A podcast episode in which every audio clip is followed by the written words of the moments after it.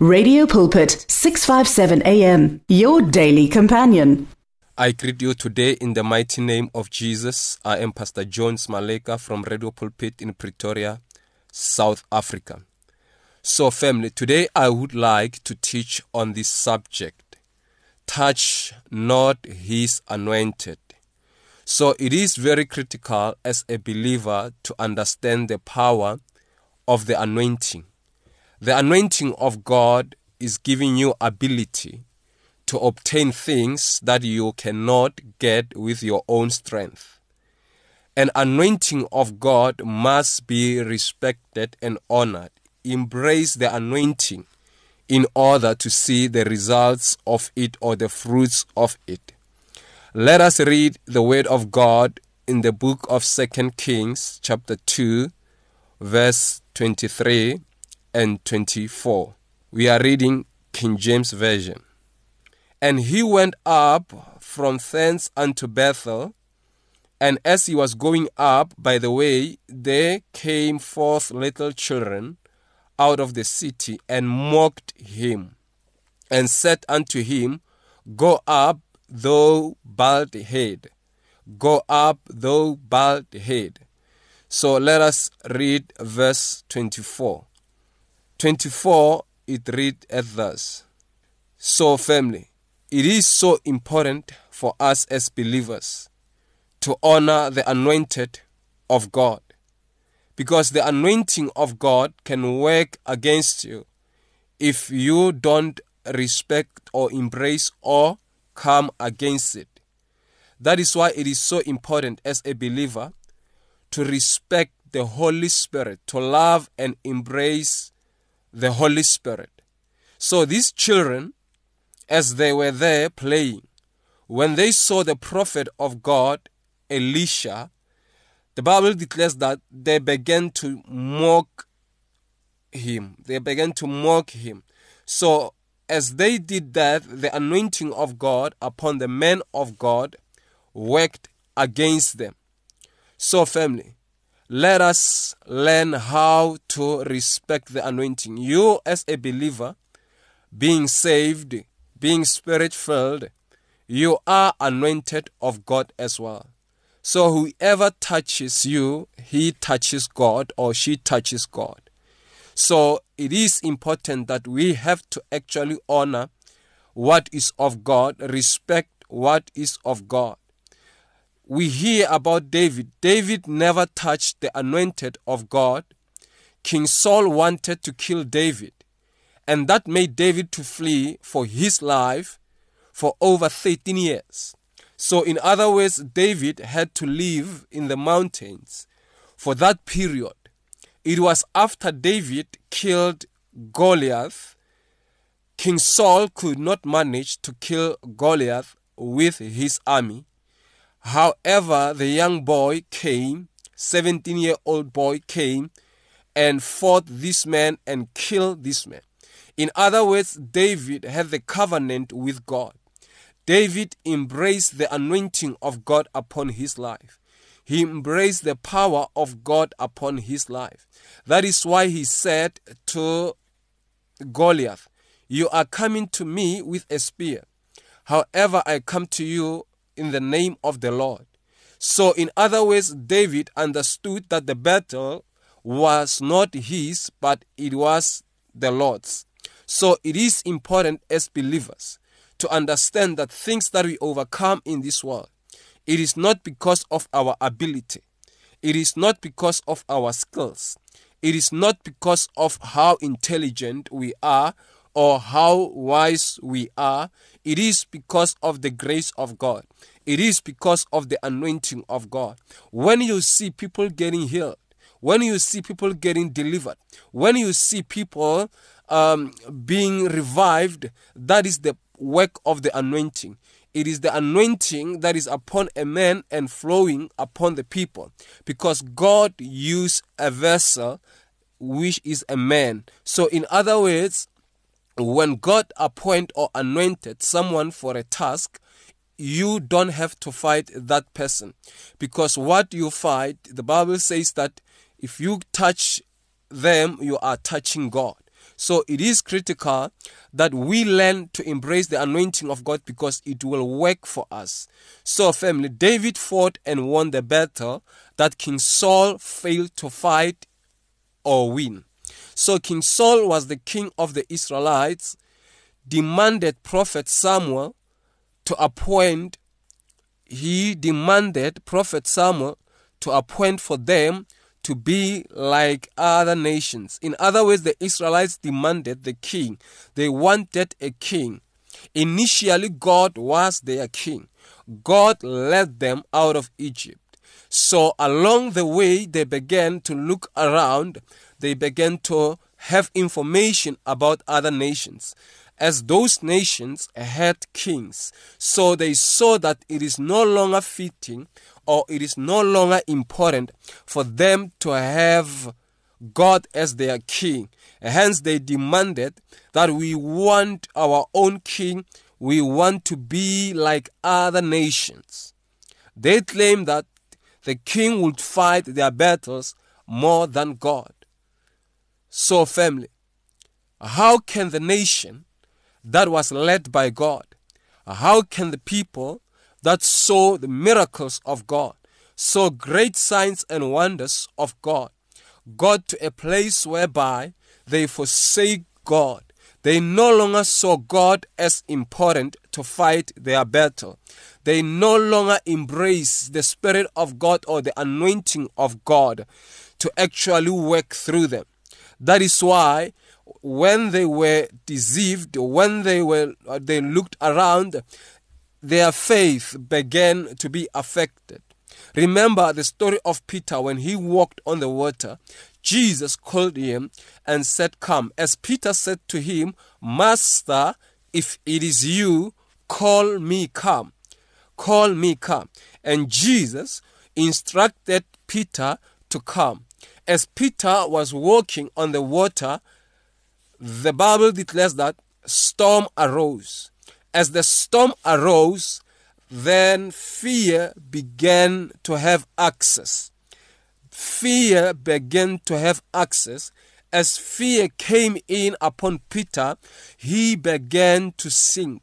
So, family, there are believers who have walked with God, who have seen the power of God, who have testified about signs and wonders.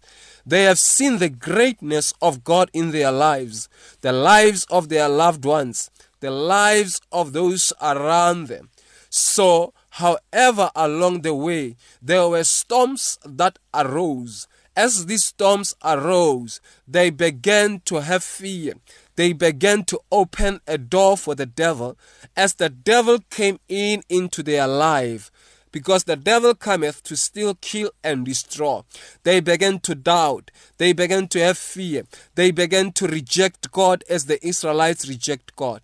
Let me tell you, child of God, if you walk with God, you need to actually read the word of God, hear the word of faith, in order for your faith to be sustained. Because your faith can be affected, your faith can be shipwrecked, your faith can be little, your faith can be dead. There is dead faith, there is living faith. So, in other words, in this journey, we need to be sustained by the word of God. We need to honor what is upon the vessels of God. So, family, it is so important that as believers, we must continually read the Word of God. We must continually listen to faith messages. We must be continually be continually filled with the Spirit of God because the Spirit of God is upon us. When the Spirit of God is upon us, the things that we cannot do with our own strength, God will give us strength. God will enable us to do exceptional things in this world on this earth. So that is why it is so important to understand the power of the anointing, that the anointing of God rests upon men. So, family, Samuel spoke to God about the demand that the Israelites had. And the Lord said to him, Listen to the Israelites. And he went on to say, Israel fought that I delivered them Israel fought that I delivered them from Egypt. They rejected me. For God, the Israel, the Israelites forgot. They forgot that the Lord delivered them from Egypt. Samuel then warned the Israelites about the wicked king that they were looking for. And he mentioned that the king will be terrible and will exploit them and their resources. However, these rebellious Israelites did not want to listen. They forget they forgot about all things. Family, did you forget about what God has done for you? Did you forget where God has taken you? Did you forget where God has delivered you from? Don't be like the Israelites. In other words, if this thing happened in the Bible, this thing happened in the Bible.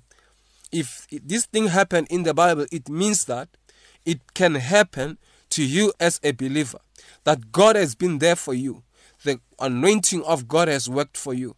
And you can be in a situation whereby you tend to forget if you neglect the power of the word, if you neglect the anointing of God. Let us read the book of First Samuel, chapter 19, verse 1 to 3, New King James Version. Now Saul spoke to Jonathan his son and to all his servants that they should kill David. But Jonathan's son delighted greatly in David. So Jonathan told David, saying, My father Saul seeks to kill you. Therefore, please be on your guard until morning and stay in a secret place and hide. So, family, we hear about the enemy of David and the son of the enemy of David. So, in other words, David obtained favor with God and obtained favor with the son of his enemy, Jonathan. So, that is why the Bible says that because of jealousy, King Saul thought that this young man would take my throne. This young man will take my throne because people are praising him. People like him. That is why now he's having an attitude of coming to take my throne. And king said that he would not allow that to happen. As king was planning all these things, he did not know that his son favored David. So, family, the anointing of God, the Spirit of God will cause people to favor you.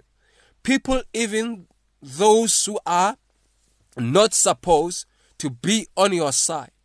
The Spirit of God, the oil, the anointing of God will affect them to favor you. That is why now Jonathan said, My father seeks to kill you.